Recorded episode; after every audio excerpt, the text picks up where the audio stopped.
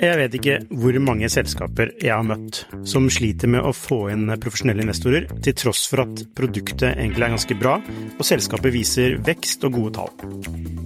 Hvis det er én ting de proffe investorene er på utkikk etter, i tillegg til at du bygger et bra selskap, selvfølgelig, er hvordan du håndterer dine aksjonærer, eller ditt såkalte captable, som det heter på startupsk. Et ødelagt captable setter rett og slett en stopper for selskapsutvikling. Unlisted.ai gjør det mulig for selskaper å håndtere aksje- og opsjonsprogrammer, aksjeeierboken, captable og det meste av rettigheter inn mot aksjene i selskapet på ett sted. Prøv unlisted.ai sin gratulasjon i dag. Hei og velkommen til Skifters podkast. Ukens gjest er Torbjørn Bull Jensen, tidligere sjef i Arcane Krypto, nå daglig leder i Arcario, men han bruker mesteparten av tiden sin i datterselskapet K33, hvor de leverer investeringstjenester innenfor kryptovaluta. Velkommen, Torbjørn. Takk, takk. Hyggelig å være her. Eh, Veldig hyggelig å ha deg på besøk igjen. Eh, Du har vært innom eh, vår podkast en rekke ganger for å snakke litt om tilstanden i kryptomarkedet. Og ja, hvordan står det til i kryptomarkedet? Er det, det er ikke 2021-tilstander? Nei, men det står ganske bra til nå. Og markedet er nok en gang ikke dødt. Det har vært med, det begynner å bli mange år siden første gang, eh, og det har vært noen bobler som har sprukket. Eh, og det har gjerne vært noen skeptikere som har gledet seg til boblen skulle sprekke, og slått seg på kassa og sagt 'nå feiler alt'. 2022 var et sånt år. Da bare raste eh, hele sektoren, og da man ikke trodde det kunne bli verre, så viste det seg at den største kryptobørsen, FTX, var en ren svindel. Men 2023 har vi hentet inn det meste av det, og nå ser det ut som vi står på startstreken til et nytt oppgangsmarked. Eh, og ironisk nok så er det da Wall Street, eh, de man satte ut for å konkurrere mot med kryptovaluta opprinnelig, som leder an frammarsjen i kryptosektoren for øyeblikket. Men du, er det sånn at man, eh, at man er på altså slutten av 2021-nivå nå? Er det har 2022 Unnskyld. Altså, nå, ja, nå husker jeg ikke nøyaktig når kursen nådde eh, hvilke nivåer, men altså, akkurat nå så ligger jo da bitcoin nært oppunder all time high i norske kroner. Eh, Ja. Fortsatt 30, 30 opp eh, cirka til all time high i dollar. Ja. Eh, men det betyr at det meste av fallet eh, fra all time high er hentet inn. Eh, kursfallet er på en måte vasket bort. Eh, og den frykten og mistilliten eh, som måtte ha bygget seg opp eh, da alt raste, ser også ut til å være borte. Store og seriøse aktører er fortsatt til stede, eh, og med stadig større tyngde. Men det er også mange store aktører som har gått ut av, av, av eh, krypto. Ja, det eh, Ikke så veldig mange av de store selskapene som var utenfor krypto, men det var store selskap i krypto Ja. eh, som gikk over ende og gikk konkurs. Eh, de er jo borte. Eh, selv om for så vidt noen av de, sånn som BlockFi, en sånn bank innenfor krypto som drev med utlån og rente på innskudd, de gikk konkurs, eh, men er nå faktisk tilbake i drift igjen. Men du har en ny runde, For et par år siden så var det en del institusjonelle aktører som begynte å for alvor å gå inn i krypto. Er det sånn at de har blitt værende, Ja. alle sammen, fordi man er in, in it for a long run? Det er det som i stor grad har skjedd. Eh, også det som har vært litt sånn forvirrende, er jo at eh, jeg og andre som har fulgt nøye med, har jo sett at disse aktørene har kommet inn for flere år siden. Men de er så seige, ting går så tregt, eh, regulatorisk klarhet har manglet for eksempel fram til nå. Så selv om man kunne se de første tegnene allerede for flere år siden, så er det egentlig først nå eh, de har bygd ferdig løsningene sine, det er først nå det regulatoriske er på plass, og det er først nå det kan begynne å akselerere. Mm. Men du, hver gang jeg har snakket med deg, så har du egentlig gans, vært ganske begeistret for at nå er markedet på vei opp. Nå går det skikkelig bra.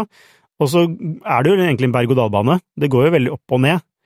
Eh, hvorfor tenker du at det, er, at det går bra, vil det gå liksom oppover nå? Så jeg er jo ofte begeistret, men ikke alltid. Eh, Jeg har, og jeg har heldigvis bevis liksom, i avisen. Eh, både da slutten av 2017, eh, hvor jeg fikk en dobbeltsidig DN med liksom, blir som dotcom-boblen, for da var det for mye eufori. Men også da våren 22, hvor jeg sa nå blir det en vårrengjøring. Dette, det var for euforisk i 21. Eh, Her er det mye giring, mye dårlig praksis som kommer til å måtte skylles ut. Det som gjør meg optimistisk nå, er at vi har den oppvasken bak oss. Markedet kollapset på mange måter, men til tross for den kollapsen så har det likevel kommet tilbake. Det forteller meg at uh, min hypotese om at uh, disse institusjonelle aktørene bygde ut langsiktig, at den interessen de hadde ikke kommer til å forsvinne, ble bekreftet, nettopp ved at de er her fortsatt. Og når vi da kommer fra en sånn innhenting, og momentet bare så vidt har begynt å bygge, så er det sannsynlig at det er mye mer å gå på. For det som kommer til å skje nå, er at du kommer til å få avisoverskrifter når bitcoin på nytt når mm. sin historiske høyeste kurs. Alle Robert Nessene og de andre kritiske stemmene der ute som sier at dette skal til null, kommer til å se litt sånn dumme ut. Eh, og det kommer til å skrives om dette her, og jo mer det skrives om det, eh, jo mer kommer folk til å ønske å komme seg inn igjen, og man får en ny runde med denne spiralen som akselererer kursoppgang, og etter hvert eh, tar innhenting over til optimisme, og så til eufori, før det på nytt da bygger seg opp til at boblen kan blåse seg maksimalt stor, og så sprekke. så det er en syklus? Det er veldig mye eh, en syklus i denne sektoren. Mm. Og, og, jeg tror kanskje vi nå står overfor den siste eh, supersyklusen, eh, eller det jeg kaller supersykluser her, hvor du har ikke bare en syklus som drives av at eh, det er mer interesse når kursen stiger, men også av at man for hver eh, syklus har fått bedre infrastruktur med regulering.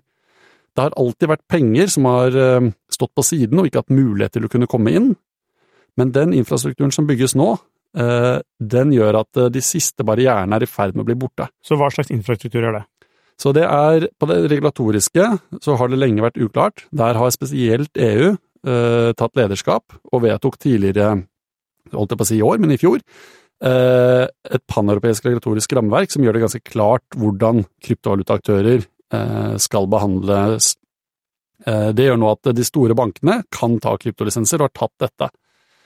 Tilsvarende ser man også regulatorisk åpning i Storbritannia, og etter hvert også i USA. Ja, sorry, eh, hva ligger det i at de kan ta kryptolisenser? Eh, de, kan, de skjønner hvordan de skal forholde seg til det å oppbevare kryptovaluta for kundene sine, eh, fasilitere handel, utvikle investeringsprodukter. De vet hvilke regler som gjelder. Ok, så nå kan vi se at norske banker nå etter hvert begynner å kunne tilby lagring av krypto? Det kommer til å komme. Eh, jeg tror ikke de norske bankene kommer til å være først ute. Nei, men er det noen banker så ser vi allerede ja, ja, alle de største bankene, sånn som Deutsche Bank, ja. uh, Bank of New York Mellon, uh, Standard Chartered altså, Nevn en storbank, og jeg kan garantere at de minimum har oppbevaring, og de fleste også etter hvert nå kjøp- og salgstjenester. BNP?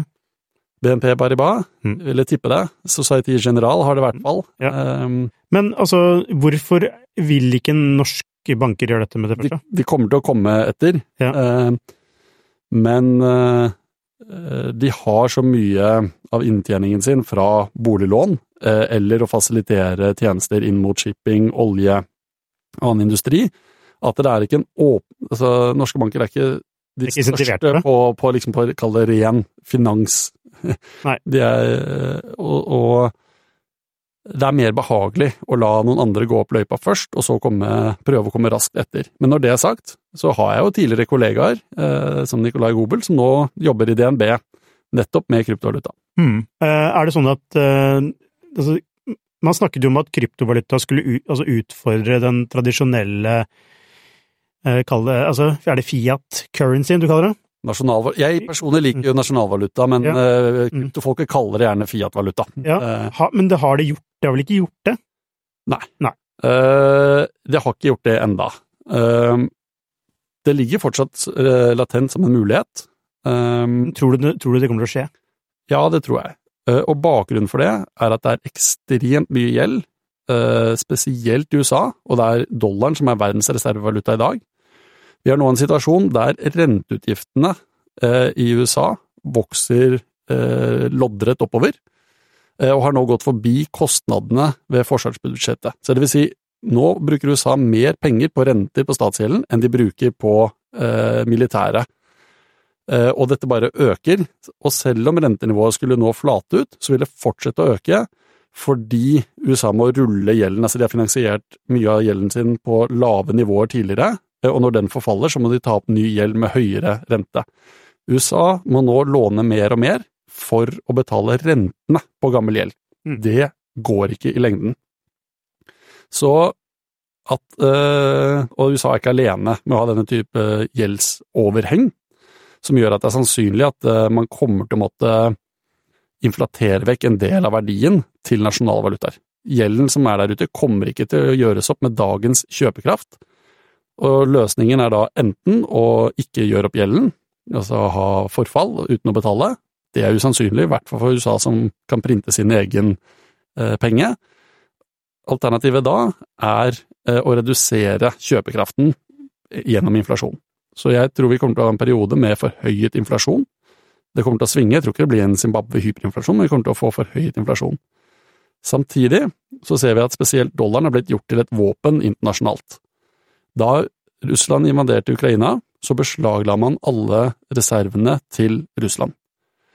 Og ved å gjøre det, så krysset man en usynlig linje der man historisk har latt andre land eh, føre krig eller ha politikk som man ikke støtter, men allikevel latt dem beholde liksom pengene eh, de har i andre land. Mm.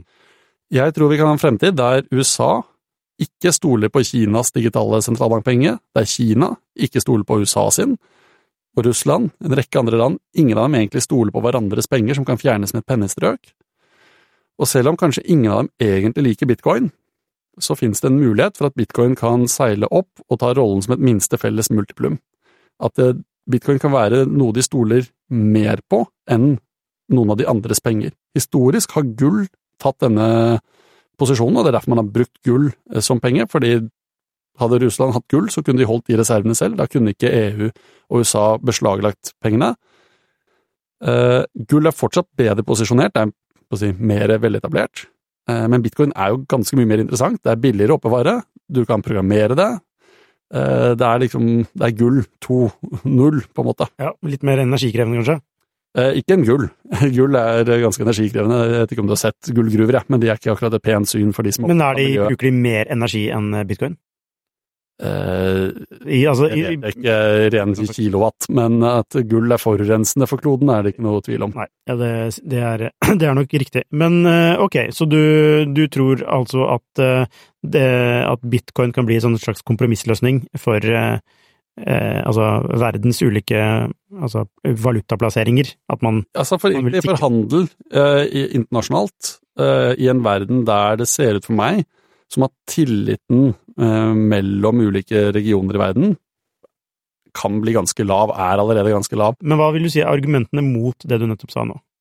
Det er jo at dollaren spesielt har ekstremt sterke nettverkseffekter, eh, og dollarens kollaps har blitt eh, spådd flere ganger. spådd flere ganger i mange tiår. Eh, så det, vi har den litt sånn ironiske situasjonen. På den ene siden så vet vi at alle nasjonalvalutaer dør før eller siden, fall det de har gjort opp til nå. Altså, de taper nesten all verdi, de kan godt hete det samme, men du får periodevis eh, kriser. Samtidig så er det umulig å vite om det skjer nå, om 10 år, eller om 20 år. Eh, men jeg mener at den kombinasjonen av å både sensurere dollar og hva det kan brukes til, og at man har denne enorme gjeldsoverhenget som gjør at du til og med begynner å bli bekymret for hvilken realverdi dette kommer til å ha framover, mm. gjør at det ser ut som det kan toppe seg, i hvert fall i det tiåret vi står overfor, da. Mm. Ok, så du har en langsiktig tro på bitcoin. Eh, akkurat nå så går det greit, ligger 30% under toppnivået i, ja, sånn i dollarkurs. Ja. Eh, og ja, det ser, du mener at det ser lyst ut, men det, det syns du Det mener du ofte, og det er jo det Altså, du er jo, uh, du er jo eh, hva, hva skal man si? Veldig entusiastisk når det kommer til bitcoin. Spesielt bitcoin. Når det gjelder kryptovaluta, så er det jo bitcoin som er din favoritt. Altså, det er jo bitcoin jeg klarer å forstå et ganske tydelig verdiforslag for. og dette er faktisk noe når jeg har begynt å sette meg ned og jobbe med nå, det er å prøve å skjønne hva er egentlig de forskjellige anvendelsene av disse blokkjedene, som mm. faktisk er reelle. Og for meg så ser det nå ut som at det er egentlig tre hovedkategorier eh, hvor dette skaper verdi og faktisk løser noe. Det ene er å være en type apolitisk, ikke-sensurerbar penge, altså bitcoin. Og der er bitcoin den som er klart best posisjonert. Eh, og der er desentralisering ekstremt viktig. Eh, bitcoin skal da kunne liksom stå imot nasjonalstater, være det digitale gullet, og må absolutt være desentralisert. Mm. De to andre anvendelsene Eh, kan grovt, sånn jeg ser det nå, eh, egentlig kategoriseres i regulatorisk arbitrasje. Du får tilgang til å gjøre noe som du egentlig ikke bryr deg om at det er desentralisert, Men du får ikke tilgang på de sentraliserte plattformene, fordi de er for regulerte, de tillater det ikke. Mm. Eh, småsparere kan få massivt med giring, eh, de kan kjøpe tokens som ikke Coinbase er villig til å liste. Eh, det er liksom vill vest-aspektet. Kriminelle kan bruke det til pengeoverføringer, som hadde vært vanskeligere å gjøre kanskje med PayPal. Mm. Og så er den siste, som egentlig er interoperabilitet og standarder. Nesten alt som folk har pitchet at du skal gjøre med blokkjeder, har du kunnet gjøre med teknologi som er mye, mye eldre enn blokkjeder. Og blokkjeder er egentlig ganske ineffektive. Men de har et enormt økosystem av applikasjoner som er utviklet av systemer som du kan utnytte. Du kan copy-paste den kodebasen, utnytte egentlig open source-komponenten, og du kan mye raskere dytte ut en tjeneste ved å tappe inn i det økosystemet. Eh, Gi et eksempel på det.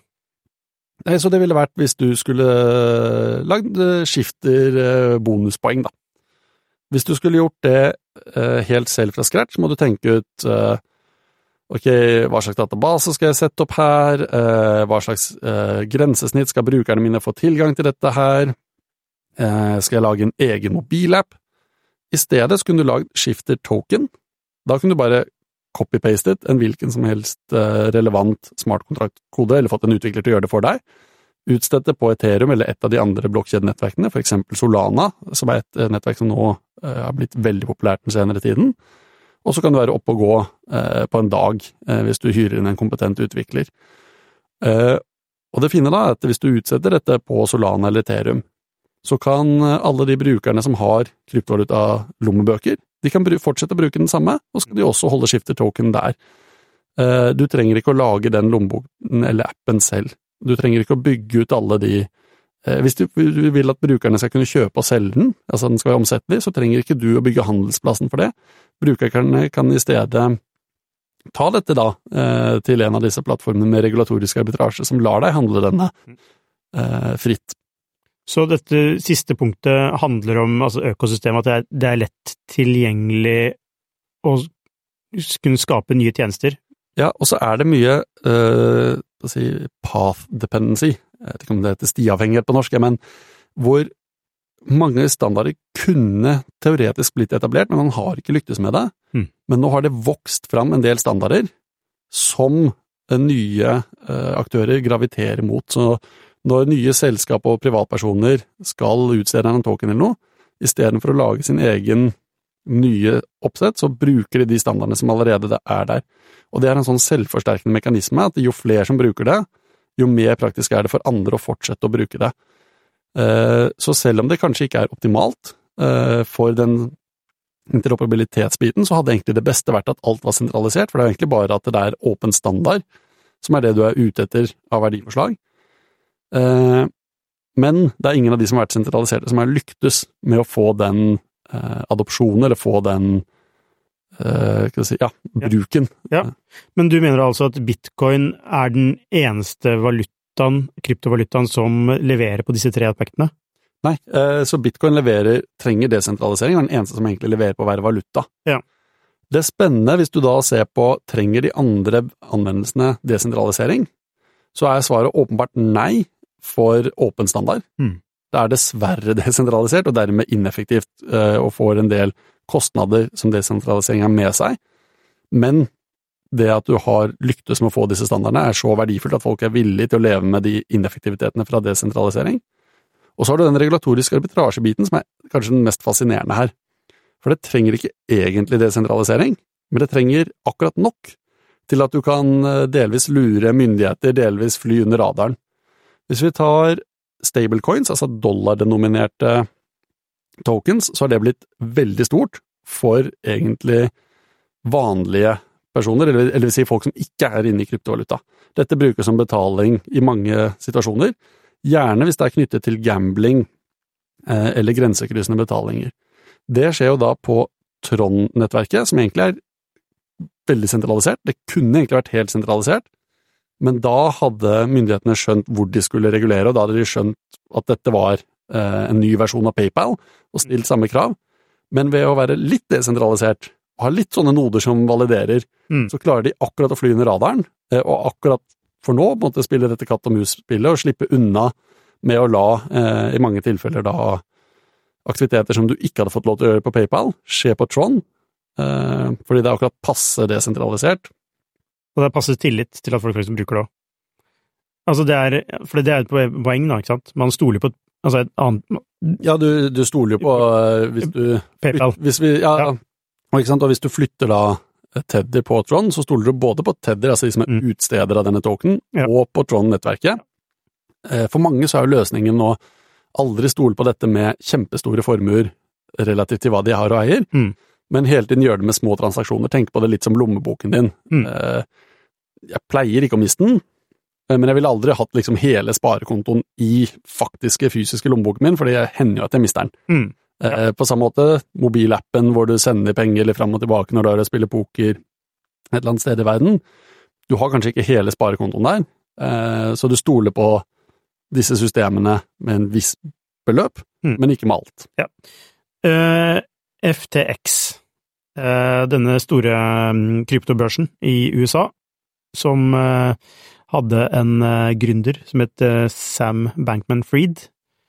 Og jeg spurte om Bankman var et altså, navn han hadde fått seinere. Jeg tror ikke det. Nei. Eh, Det har jeg ikke sjekket opp, men det er, jeg har ikke lest noe at han har tatt det navnet. Nei. Eh, Eh, Men hva skjedde, der, hva skjedde der, og hvilken betydning har det hatt for krypto i 2023?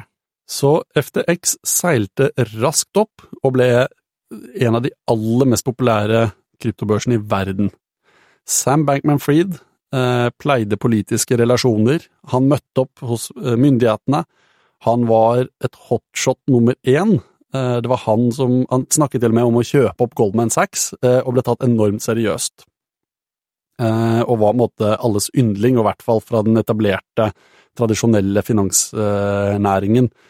Mange så på FTX og Sam som eh, Ryddig alternativet. det ryddige alternativet, og de som kunne gjøre at dette eh, gikk mainstream. Eh, og han brukte masse penger på donasjoner. Eh, han brukte 50 millioner dollar på donasjoner til republikanere, og ca. det samme til demokrater. Og etter hvert viste det seg hvor han hadde fått disse pengene fra også. Fordi på FTX så hadde de tatt kundenes midler og brukt til eh, andre investeringer og andre aktiviteter.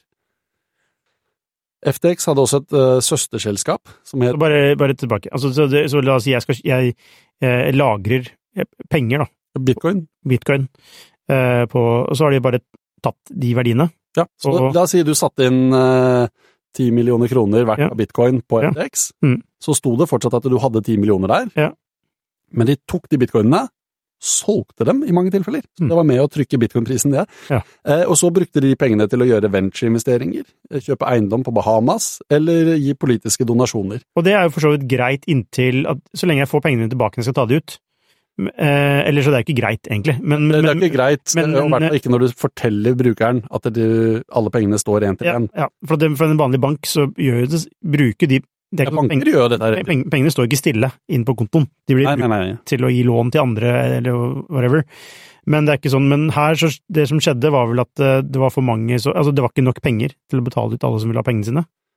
Ja, Det var jo det som skjedde. Du fikk et bankrun. Et klassisk eh, finanskrise-bankrun. Det litt spesielle her var at dette ble delvis trigget av da Sisi, sjefen for den aller største børsen i verden, Binance, Mm. eh, som eh, rykket ut og måte skapte en del frykt eh, rundt da FTX sin egen token, eh, altså FTT, som var token-navnet der eh, og måtte sparket i gang bank run, altså det at alle kundene løp for å ta ut midlene sine samtidig. De prosesserte noen milliarder dollar hvert av uttak, og så var det stans. Mm. Det interessante nå er at de konkursfordringene folk har, de er jo omsettelige. Eh, Og nå nærmer den kursen seg eh, og blir, gjør at folk kan bli, altså få tilbake alle pengene sine. Det at markedet har hentet seg inn så mye, eh, og at det da hvordan er det mulig? Det skjønner jeg ikke. Altså, Fordi da de gikk konkurs, så ble alle verdiene låst i dollarverdier.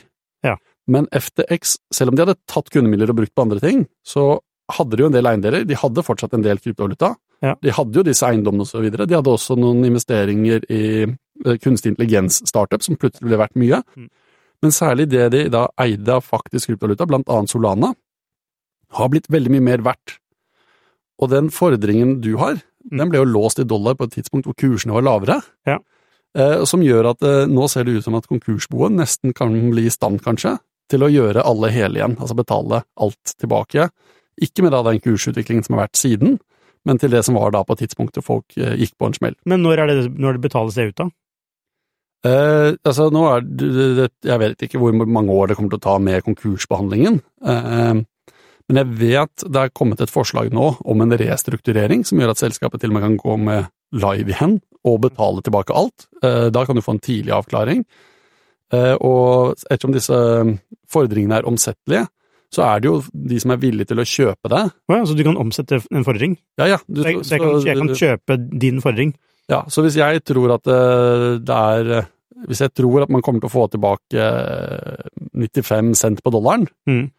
eh, og jeg tror at man kommer til å gjøre det om et par år, eh, så kan jeg være villig til å kjøpe din fordring i dag for kanskje 75 cent på dollaren.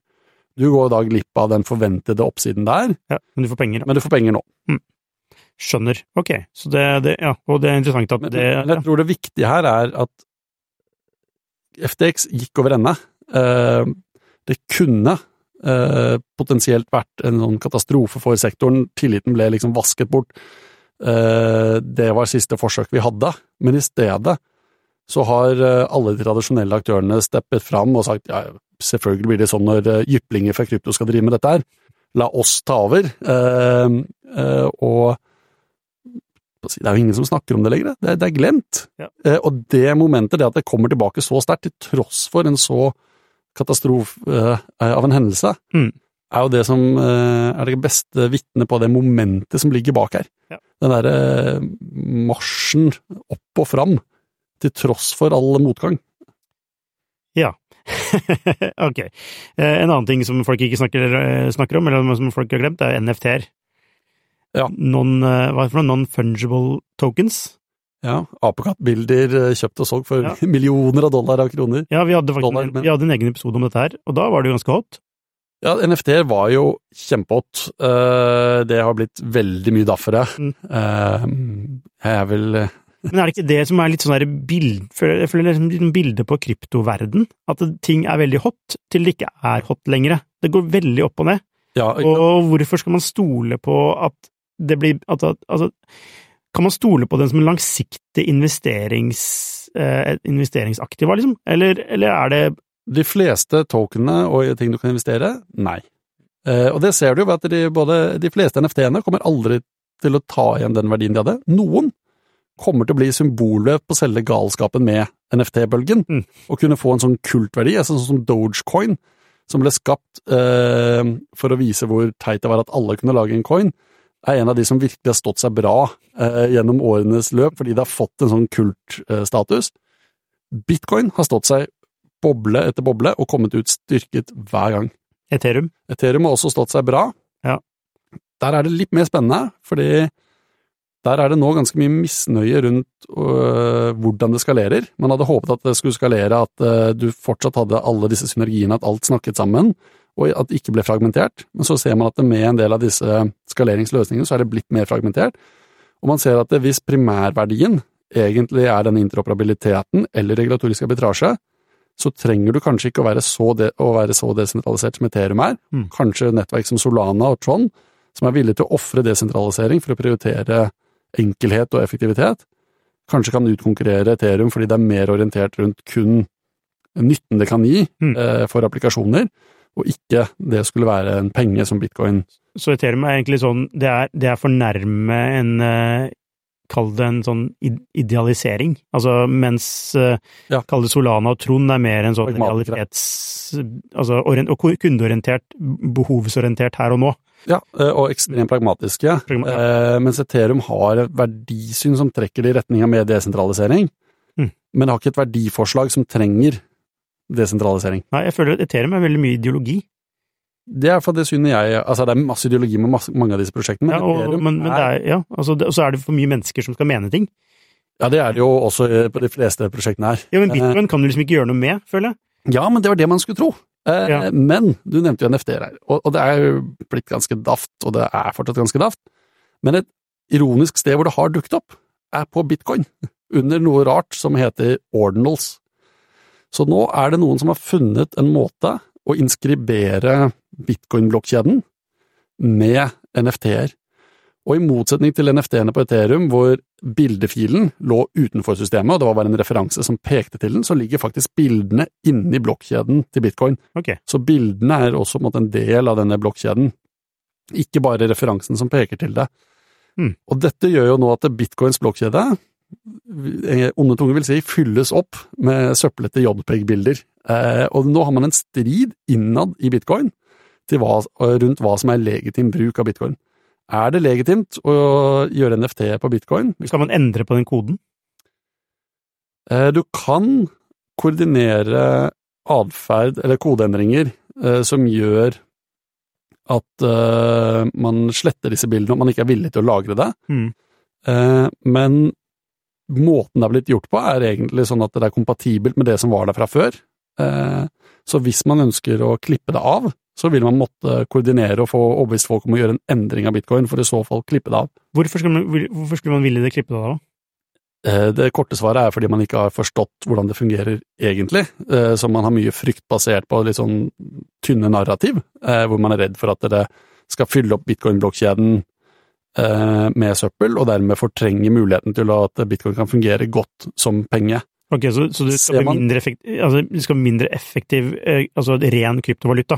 Ja, eh, men så ser man nøyere på dette her, Mm. hvordan dette faktisk gjøres teknisk, så ser man at det ikke er fortrengende, eh, og det til og med tilfører en viktig eh, eh, vitaminsprøyte til bitcoin, nemlig transaksjonsavgifter. Det, å det at du har fått denne populariteten har drevet opp transaksjonskostnadene i bitcoin, som gjør at det er mer transaksjonsavgifter som insentiverer da denne miningen, som holder nettverket sikkert. Mm.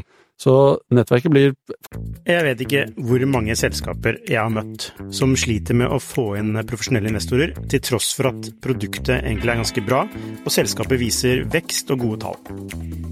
Hvis det er én ting de proffe investorene er på utkikk etter, i tillegg til at du bygger et bra selskap selvfølgelig, er hvordan du håndterer dine aksjonærer, eller ditt såkalte cap table, som det heter på startupsk. Et ødelagt captable setter rett og slett en stopper for selskapsutvikling. Unlisted.ai gjør det mulig for selskaper å håndtere aksje- og opsjonsprogrammer, aksjeeierboken, captable og det meste av rettigheter inn mot aksjene i selskapet på ett sted. Prøv Unlisted.ai sin gratisversjon i dag. faktisk sikrere av det. Eh, Og det fine er at eh, hvis du og jeg vil kjøre en bitcoin-node, altså vår egen kopi av å passe på regnskapet, så kan vi faktisk fortelle den noden og bare slette de bildene. Så vi behøver ikke å få masse bloat eller masse lagre andres JPEG-bilder hvis vi ikke vil det. Men til NFT, hva skjedde? Altså, det ble borte, det, men det kommer tilbake igjen på bitcoin. Eh, altså, altså, du kan lagre bilder i blokk, bitcoin-blokkjeden. Ja, og det som er litt interessant, er at det viser også hvor kulturelt NFT-er er. Altså det, det er ikke så rart, for det er en sånn kunstformuttrykk. Fordi hvilke bilder som da er populære, er jo da ofte bitcoin tilknyttet. Det er en annen estetikk eh, som vinner frem. Det er til en viss grad i et litt annet miljø det resonnerer. Eh, så det er jo veldig Det fanger veldig mye av den sosiale bevegelsen eh, som det er mange av i kryptosektoren, og liksom destillerer det, eh, og skiller det veldig fra det tekniske. Det er en teknisk implementering som har gjort det mulig, Mm. men det er i mye større grad en sosial, sosiokulturell anvendelse av dette er. Men har du troa på NFT slik det var i sin opprinnelige form? Altså slik det ble pitchet? Så jeg har tro på at NFT som teknologi, altså det å utstede non-fungible tokens, altså to unike tokens, eh, det er kommet for å bli. Eh, Og det kommer til å gjøres bare mer og mer av, eh, både på bitcoin, ethereum og alle mulige slags blokkjeder. Jeg tror at eh, kursen, altså prisen, for disse maskingenererte kunstverkene, eh, og på så mange av de, Mm. eh, det kommer ikke til å komme tilbake på den måten eh, hvor veldig, veldig, veldig, veldig mye fikk veldig, veldig, veldig høy pris. Mm. Noe kommer til å bli kjempeverdifullt, litt som for vanlig kunst. Eh, Men det meste av dette her, den brede hype-biten av det, kommer til å legge seg. Jeg tror dette Men- NFT anvendt innenfor kunst kommer til å ha en nisje. Eh, Men når det er sagt, så har NFT mye bredere anvendelser. Det er andre ting du kan lage tokens for. Som hva da? Eh, altså det kan være kanskje billetter, eh, så teknisk sett ville vært en NFT, men du ville ikke tenkt på det i samme kategori som disse board, eh, altså disse apekatt, Ape, Monkey, Yacht Ape Yacht eh, eh, apekattene, eh, som var det mest liksom sånn brukte bildet på NFT. Eh, nettopp. Ok. Så du har fortsatt litt troa på NFT? Eh, Men du, jo, nå, tenker, nå kom jeg på det jeg skulle spørre om. Hva dette sett opp mot AI? Jeg føler at AI er liksom, hva, liksom Hvilken påvirkning har AI på både NFT, men også krypto generelt? På NFT-er så får du jo enda mer interessant bildegenerering, da. Du kan jo knytte det der. Eh, For krypto generelt så tenkte jeg først, for det kom en del sånne prosjekter som pitcher seg som AI-coin og AI-token og så videre. Jeg tenkte liksom buzzord pluss buzzord er hype. Ja, Det, er det er sånn minus for minus, det blir pluss, det, faktisk. Ja, ja, det blir pluss. Det er- Du får lurt inn noen investorer. Og det er, det er elementer av det. Mm. Eh, Men når det er sagt, så er det også veldig slående eh, hvor mye sensur som legges inn i de AI-ene som er sentraliserte. Mm. Eh, Jeg prøvde å jobbe sammen med ChatGPT eh, for å hjelpe meg med å utvikle litt markedsføringsmateriell. Så hadde jeg lyst til at det markedsføringsmateriellet kanskje kunne spille på fair of missing out og, og, og fair of being stupid.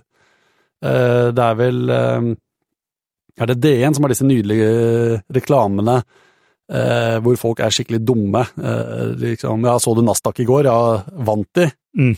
Tror det er snakk om et fotballag fordi de ikke har lest eh, Mm. DN. Så jeg, tenkt, jeg tenkte liksom noe, skal jeg lage noe for K33 langs de banene der? Mm. Og da svarte ChatGPT at uh, sorry, det er uetisk uh, å spille på folks følelser på den måten, Mm. så jeg kommer ikke til å hjelpe deg med uh, å lage reklame for det. Det er ganske ufarlig, men det er et eksempel på hvordan eh, det legges politiske føringer, verdiføringer, inn i disse AI-plattformene. Eh, og det gjør at det kan vokse fram et behov eh, for å kjøre AI-modeller, eller iallfall et ønske for å kunne kjøre AI-modeller som er usensurerte, som trenger da desentralisering, trenger å kunne være åpne, og det å da til og med knytte betalingen, for eksempel av hvor mye prosessering det krever for å gjøre din beregning, til en kryptovaluta eller stablecoin-betaling som kan streames, Mm.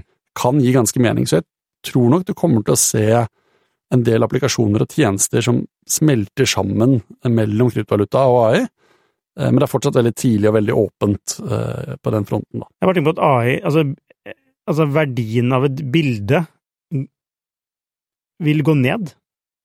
Nei, altså det er jo ikke dyrt å tegne med penn og papir heller, da. Nei, det kan du si, men, men, men du, altså da får du i hvert fall, altså med AI så kan du lage noe som ser bra ut, da. Altså verdien av eh, grafiske designere Ja. eh, og verdien av stockphotos Mm. kommer til å gå ned. Ja, det kommer definitivt til å gå ned, men det er jo nå. Men nå AI er på, dette, det, på det nivået det er på nå i dag, men sant? la oss si om ett år frem i tid, bare, da. Tenk Hvis det kommer på et, altså, på et nivå som konkurrerer altså, reelt med kreative kunstuttrykk Altså, det kan jo skje. Ja, ja. Det, det, det, det skjer jo allerede. Ja. Eh, og, Og hva, da, jo, da går jo verdien ned. Altså, når, når alt blir tilgjengelig, så, blir det jo, så går jo verdien ned. Ja, men mye av det som gjør kunst dyrt, er jo ikke det faktiske fysiske uttrykket, eh, men signaturen til kunstneren, altså ektehetsbeviset. Ja. En tro kopi blir aldri verdt det samme som eh, den faktiske originalen. Mm. Eh, og det er jo her NFT-biten er måte destillert og vært bare signaturen, bare originalitetsstempelet. Ja. Så AI vil kunne lage helt fantastiske bilder, eh, men plutselig kommer vi til å få det sånn at folk setter altså Selv om vi ikke klarer å se forskjellen, så kommer det, hvis dette er beviselig lagd av menneske, Ja. uten AI, de kunstverkene kommer til å få en premium, fordi vi sosialt liker å tillegge Jo, men, det en verdi. men, men det jeg føler det er en sånn derre dum, emosjonell, Ja, men, menneskelig men greie. det er jo sånn vi er. Ja. Dette, det, her er det en kjempekul eh, para- parallell fra pengehistorien. Eh, Ja, for penger er også det samme. ja, og de rareste, noen av de rareste pengene vi har hatt eh, i verden, er disse kjempesteinene eh, på Japp. Eh, alle som har lest om penger, har sett sånne svære steiner opptil flere meter store, med hull i midten, Ja. som ble brukt på disse øyene som eh, penger, særlig i forbindelse med transaksjoner ved, ved, ved, ved ekteskap og så videre, altså seremonielle Altså, transaksjoner. på Japp. På Japp, ja. Hvor er, Rai heter disse, det er vel eh, er det et sted som heter Japp? i lavet? Ja, det er en øygruppe. Ja, ja, nettopp. Altså, du har jo disse, disse steinfigurene, de svære steinfigurene. Er det Påskeøya? Ja, ja, men, men altså, det er sånne steiner, liksom. Eh, ja, eller det, det store, Se for deg en stor disk, en stor ja. rund stein, Ja. med et hull i midten. Hull i midten var fordi du kunne dytte en, dytte en tømmerstokk inni, Ja. og så bruke masse mannfolk eh, å bære den eh, og rulle den bortover. Det som var at eh, disse steinene måtte hentes fram på en naboøy og fraktes i kano, og det krevde masse arbeid, og de fungerte som penger fordi på mange måter var proof of work, Mm. litt som bitcoin. Så kom portugiserne med moderne skip og moderne utstyr. De kunne grave ut større steiner enn noensinne. Eh, Men fordi Japp var et lite samfunn, og de hadde oversikt over historien til alle de enkelte faktiske steinene, så begynte man å skille mellom de steinene som var gravd ut med tradisjonelle verktøy, og de som var gravd ut med moderne. Og de, fordi tidligere var det sånn at jo større, jo mer verdifull. Eh, mens nå ble det sånn at eh, større var mer verdifull, men bare hvis det var med gamle verktøy. Mm. Stor med nye verktøy fikk en lavere verdi, fordi det hadde fanget mindre arbeid, og det holdt man styr på. Mm. AI-genererte bilder eh, kommer til å få en lavere emosjonell verdi enn menneskegenererte, og vi er, det er sånn vi er som mennesker, vi er emosjonelle. Altså, egentlig er jo kunstverk en form for eh, Altså, det er en, det er en form, form for valuta. Altså, ja, nå blir jeg kanskje litt sånn filosofisk, men den er jo Det er jo noe som bare er Altså, det er fordi noen tror det er verdifullt, Ja. er det verdifullt. Ja. Eh, Det, det har egentlig ikke noe verdi, egentlig. Nei, det er akkurat det samme. Ja. Det, er- det er ikke så veldig lett å spise Mona Lisa, eller det, du, får, du blir ikke varm lenge hvis du fyrer opp. Nei. Så da tenker jeg, i et sånt perspektiv, når egentlig ingenting er verdt, er det, lønner seg ikke bare å kjøpe eiendom? Det er alltid lurt å ha eiendom, da. Ja. Så lenge du klarer å beskytte eiendomsretten din, skulle samfunnet kollapse rundt deg. Selvfølgelig. ja, det, ja, ikke sant. Så Ja, men det er mange land der det dessverre er mm, eh, høyst reelt, da. Eh, så, og, og, og der er jo det å kombinere fysisk eiendom, altså et sted å bo, Mm. med virtuell og digital eiendom, ganske nyttig. ja, men hva tenker Fordi du hvis du må flykte fra hjemmet ditt, Ja. eh, om det er i Ukraina eller om det er eh, altså et sted i konflikt, Ja. så kan du ta med deg verdier hvis du har det i bitcoin eller kryptovaluta, Ja. til og med i hodet. Ja. Eiendommen din får du ikke med deg. Nei, eh, det er sant. Da, da er vi nederst på Maslows eh, behovspyramide. Så du trenger jo alltid å skaffe deg mat og drikke, Ja. Og har du med deg bitcoin når du må flykte fra hjemmet ditt, eh, så har du mulighet til å kjøpe det der du kommer, fordi det overalt i verden finnes det noen som er villig til å gi deg enten lokalvaluta eller tjenester og varer i bytte mot bitcoin. Tenker du at eh, Nasjonal sikkerhetsmyndighet, eller hva er det DSB heter, eller disse Direktoratet for samfunnsberedskap, Ja. så har, de har jo sånne guidelines for hva du bør ha av eh, nødproviant etc. Ja. Hvis ting skulle skje. Burde man ha satt på bitcoin på den lista? Altså x antall tusen i bitcoin? Ikke enda, men etter hvert kanskje. Ja, for at det, Eh, fordi bitcoin er fortsatt så ungt at det, nå er man fremoverskuende og ser at det kan ta en sånn rolle. Eh, men jeg, ja, men gitt egentlig. Hva er du, når det er gitt verdenssituasjonen eh, Nå er vi på et helt annet tema enn enn krypto, men, eh, men eh, gitt verdenssituasjonen, eh, tror, altså frykter du for Norges fremtid? Mm, Jeg syns Norge ser veldig bra ut. Vi er, vi er bitte lite land, vi er veldig få folk, Ja. eh, og det er ganske lett å koordinere eh, få folk. Ja. Eh, Ja, så det er lett greit, å få sosial enighet, eh, og, og, og Norge er et av de landene i verden som er best posisjonert til å kunne klare å holde samfunnsstrukturer eh, godt sammen. Når det er sagt, så kommer den sosiale kontrakten til å endre seg drastisk i tiårene framover. Eh, Du kan ikke stole på at det offentlige skal ta vare på foreldrene dine eh, med en anstendig standard eh, i pleie- og omsorgssektoren. Det, altså, det er i fritt for, forfall allerede, Mm. og kommer bare til å akselerere. Og når tjenestene kommer til å forvitre fra offentlig, og presset for å øke skattetrykket blir sterkere, så kommer en del til å begynne å stille seg spørsmålet vent nå litt, hvis jeg får stadig mindre Mm. og skal betale mer i skatt, hvorfor gidder jeg i det hele tatt å være her? Så Norge er allerede utsatt for skattekonkurranse internasjonalt, og det, kom, det trykket kommer nok til å kunne øke. Mm. Eh, så det gjør nok at Norge står i en fare for å kunne bli materielt eh, fattigere, eh, både ved at viktige mm, si, rikinger Mm. forlater landet, men også å, å ta med seg former og ikke minst åndsverk ut av landet. Eh, men også hvis man ser for seg at eh, oljens relevans på et eller annet tidspunkt kommer til å falle, eh, så kommer det også til å slå inn i norsk økonomi hardt. da. Så, hvis man, så du er litt sånn pessimistisk? Jeg, altså, jeg ser jo alltid på det negative, da. Og så prøver ikke fordi at jeg er pessimistisk, men Nei. det er det som ofte fascinerer meg mest. Liksom, hva, hva som kan liksom, brenne her eller kollapse? Og hvis det skulle bevege seg i den retningen, eh, hvilke grep kan jeg ta for å være bedre rustet? Ja. Kjøpe bitcoin? Litt bitcoin. Eh, altså, ikke sant, Se norske kronen, da. Den har svekket seg enormt mye mot utenlandsk valuta. Ja. Tenk på hvor mye av ditt forbruk som er import. Både mat og TV. altså, Hva er det du konsumerer som ikke er import? Bilen din? altså, Alt er import. Trikkene våre er import. Mm. Eh, og når da den norske kronen svekker seg type 30 mot de største valutaene, så Mm. skreller det vekk kjøpekraft. Tror du den norske valutaen vil svekke seg ytterligere? Det er en kjempefare for det. Fordi det som skjer nå, er at kryptovaluta blir tilgjengelig for hvem som helst. Stablecoins gjør at eh, nordmenn veldig enkelt kan begynne å bruke dollar-denominerte eh, valutaer. Får man etter hvert også digitale sentralbankpenger, eh, på en måte som gjør at eh, norske bedrifter og privatpersoner kan velge om de vil bruke euro, velge om de vil bruke dollar, pund, kroner, så kommer da spørsmålet ja, hvorfor skal du velge å bruke den lokalvalutaen? Hvorfor skal jeg velge å bruke norske kroner, en mikrovaluta, hvis jeg sømløst kan bruke dollar, Mm. verdens største? Kanskje syns jeg bitcoin svinger for mye og er for ungt, eh, men hvorfor ikke dollaren? Så sier man ja, men Norges Bank skal passe på det. Jeg tror man ikke at Federal Reserve, verdens største eh, liksom, økonomi, og deres sentralbank er bedre utstyrt til å styre dette her enn Norges Bank. Mm. Hvis man da sier nei, Mm. så blir man jo litt sånn ok, men hvorfor skal Norges Bank da med sine små ressurser være god nok? Eh, og svakhet er mange økonomer sier ja, men Norges Bank prøver å passe på det beste for Norge. Utfordringen er bare at det, det beste for meg som individ, eller meg som eh, næringslivsleder, er ikke nødvendigvis det samme som er det beste for Norge.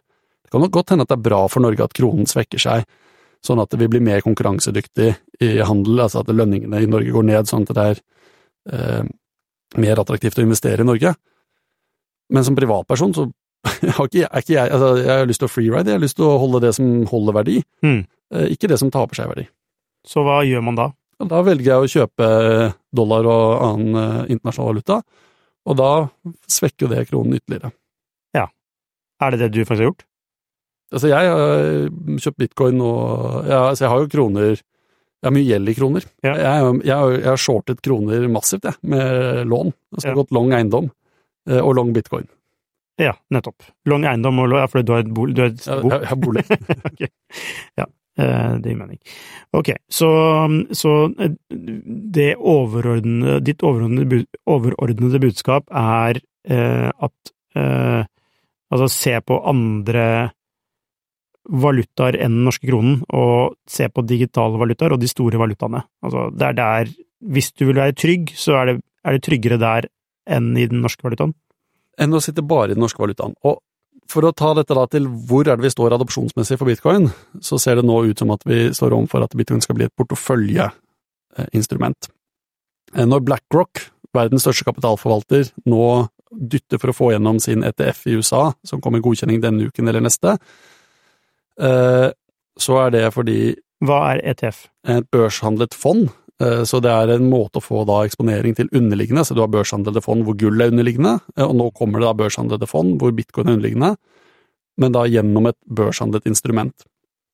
BlackRock gjør ikke det fordi de har klienter som de tror skal putte 100% av midlene sine i bitcoin, men mellom 1 og 5% ser de for seg. Mm. Så i en robust portefølje eh, så mener de at det er fornuftig å ha noe bitcoin. Ja. Og det er det samme for oss som privatperson. da, Som du sa, som beredskap kan være fornuftig å ha noe.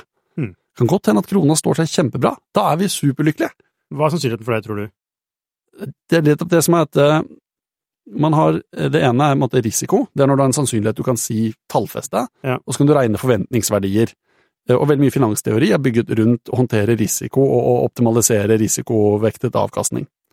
Men så har du det som er usikkerhet, når du virkelig ikke vet sannsynligheten, men du vet at, at det er mulig.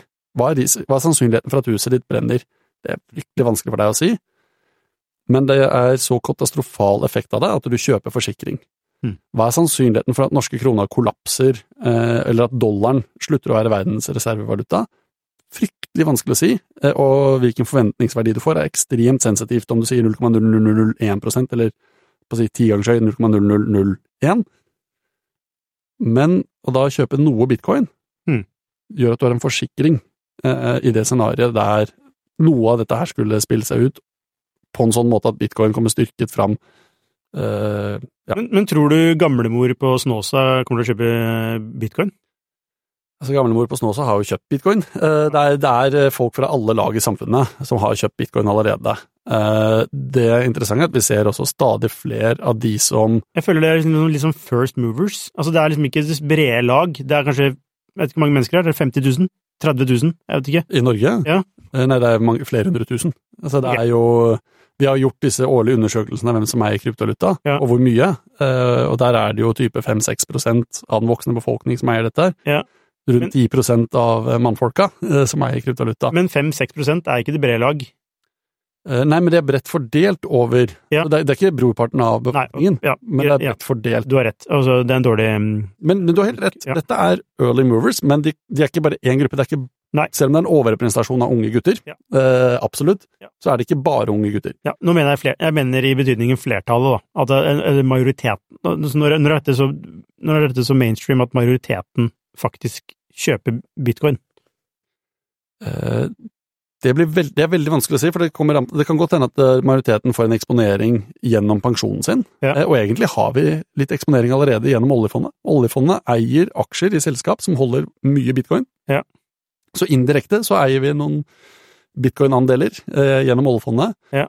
Eh, det kan hende at dette primært blir gjennom at du får en pensjonsportefølje som er aksjer, obligasjoner og litt bitcoin. Ja. Så 1 i bitcoin i tillegg. Mm. Eh, jeg tror et scenario der de fleste av oss går rundt og håndterer bitcoin til hverdags, er veldig langt fra hvordan samfunnet er i dag, eh, og er kanskje en framtid man kanskje ikke ønsker seg, eh, fordi da vil veldig mye av de institusjonene vi har i dag, i hvert fall som er kjent, ha falt og forvitret. Det kan skje, Mm. Eh, men det er veldig vanskelig å si noe om sannsynligheter eh, for det, og, tidslinjer også. Ja. vi skal runde av, Torbjørn. Eh, du er jo Hva er det for noe? Er det Bull? Det er navnet mitt. Ja. Jeg er født Bull, det er ikke et navn jeg har tatt. Eh, Jeg tenkte faktisk ikke på det. Jeg har blitt spurt om jeg har tatt navnet, eh, men jeg er født Bull. Jeg, tenkte faktisk ikke på den, eh, den eh, Hva heter det? Pønn? Pønn der. Jeg tenkte ikke på den uh, i, i det jeg sa det. Uh, men er du, er du Torbjørn Bull Bitcoin? Jeg er også Torbjørn Bull Bitcoin. Uh, det, er, det ser veldig lyst ut for det året vi står foran. Mm. Nettopp fordi det er kommet regulatorisk klarhet. Til tross for mye motgang, så er markedet kommet tilbake sterkere enn noensinne.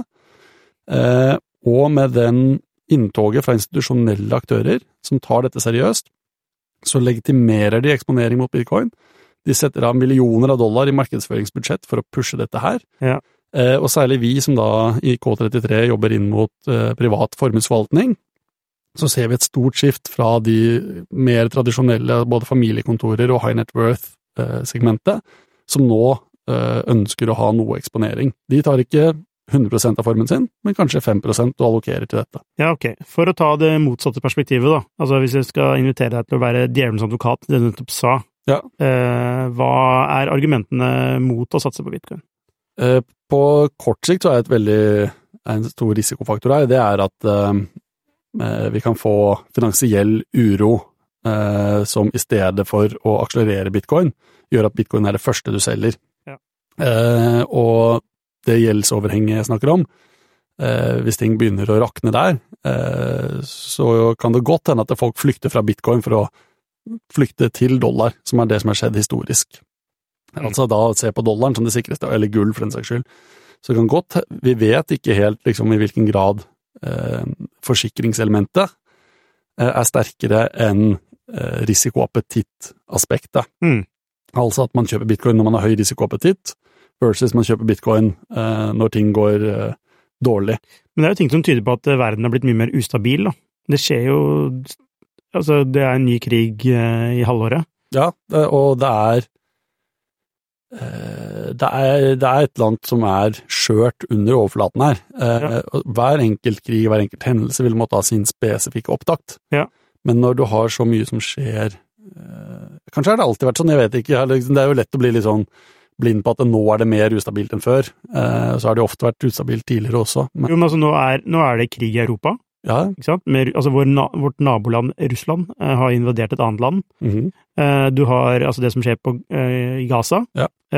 Og så Kina driver og leker med tanken på å invadere Taiwan. Ja. Eh, som er et mye større Altså, det er kanskje, blir den kanskje største konflikten, fordi den der er USA så involvert på Taiwans side. Mm. Um, og så jeg føler at ting henger sammen, da. Ikke sant? Det blir mer akseptabelt å invadere.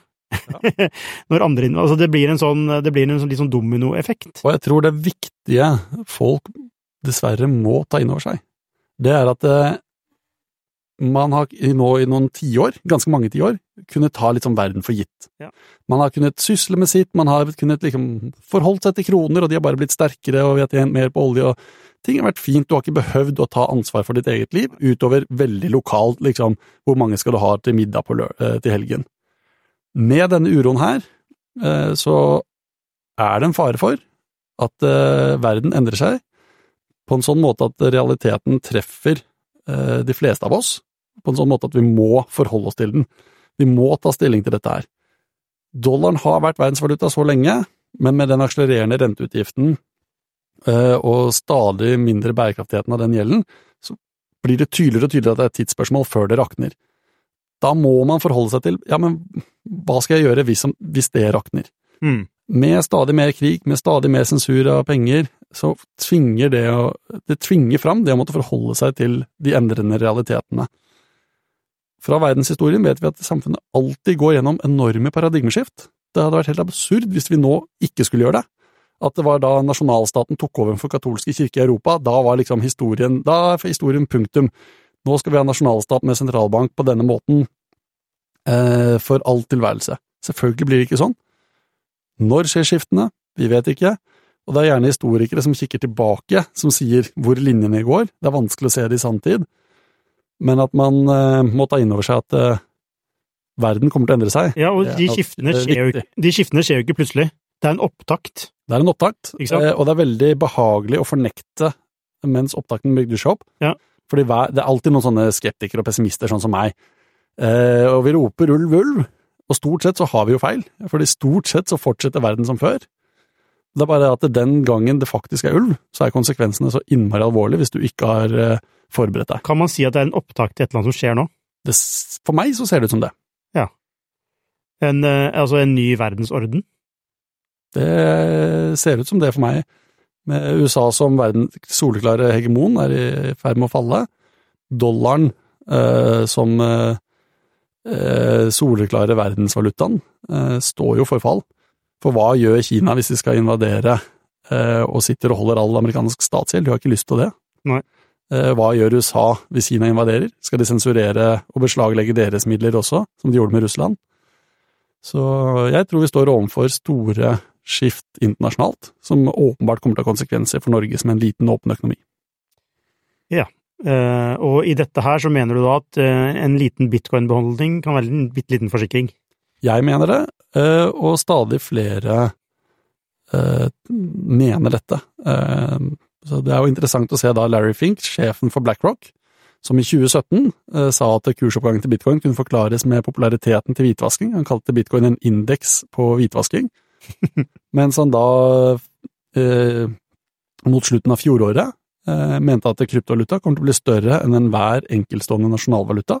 Mm. At bitcoin uh, kan ses på som digitalt gull, og at den prisoppgangen man så uh, i høst, uh, delvis var drevet av en flukt til kvalitet, så flight to quality, i møte med stadig mer uro og usikkerhet, blant annet av krigen i Gaza.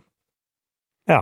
Og dette er da, altså dette er sjefen i BlackRock, verdens største kapitalforvalter. Dette er Men det er jo mange sjefer i, dessverre, altså i tilsvarende, eller, eller kanskje ikke tilsvarende, men det er mange sjefer som har sagt ting som ikke har vært riktig. Altså, Ja, ja, de, de sier masse som ikke er riktig, men eh, det å skifte fra å være så negativ, mm, og egentlig med rette, men til å så bli positiv, der er det et sterkt element av en enveisventil. Men hvorfor sier han Altså, han sier jo noe fordi han åpner Han har en, han, han har en misjon med å si det han sier. Ja, ja, altså, Ja. han skal nå Ja. penger på dette her. Han Nettopp. skal nå få sine kunder til å kjøpe bitcoin og ta avgifter. Nettopp. Men han ville aldri BlackRock og Larry Fink ville aldri steppet fram og, initiert dette hvis det ikke allerede var kundeetterspørsel. Mm. Det er først når de ser at det allerede finnes kundeetterspørsel, at de så kommer inn, og så forsterker de det. Eh, og det er jo det som er med på å drive den bølgen jeg tror vi får i det året vi, som kommer. Mm. Den vanvittige legitimeringen er nok enda viktigere enn selve ETF, altså det børsnotert produkt, godkjenningen eh, i USA. Ja, så hvis man skal kjøpe bitcoin, hva gjør man da? Altså mm, Da går du til, Hvis du skal kjøpe for mye, så går du til K33. Ja. eh, nei, altså det er en rekke vekslingstjenester. Eh, vi har en megler, og, hjelper Men de, dere, med dere, veksling dere, kjøp og oppbevaring. dere er liksom mer myntet mot de som har litt altså, som family offices og Eller i hvert fall de som har tenkt å kjøpe for mer enn en million av gangen, helst. Ja, ja. Eh, eller i hvert fall over tid, da. Ja. blir det noe særlig under 500 000 og engangskjøp, så er det ikke Nei. Så er det ikke liksom Nei, vi er skreddersydd for, da. Nei. Så da, men da, da har du jo du har, Er det NBX NBX, Firi? bare bitcoin, Ja. Juju, flere norske vekslere. Og hva er forskjellen på disse opp mot type sånn Binance, altså disse amerikanske eller de internasjonale? Så du har en rekke store børser internasjonalt, eh, og de har ekstremt mange kunder, eh, så de har veldig god likviditet, de har veldig effektive priser, altså det er stor, liten forskjell på kjøp- og salgspris, Mm. så det er billig å gå inn og gå ut igjen, hvis du ønsker. De norske har børsene, som da matcher kunder, sånn som Firi og NBX gjør, de har mye færre kunder, og det er for stor forskjell på beste kjøpspris og beste salgspris. Ja.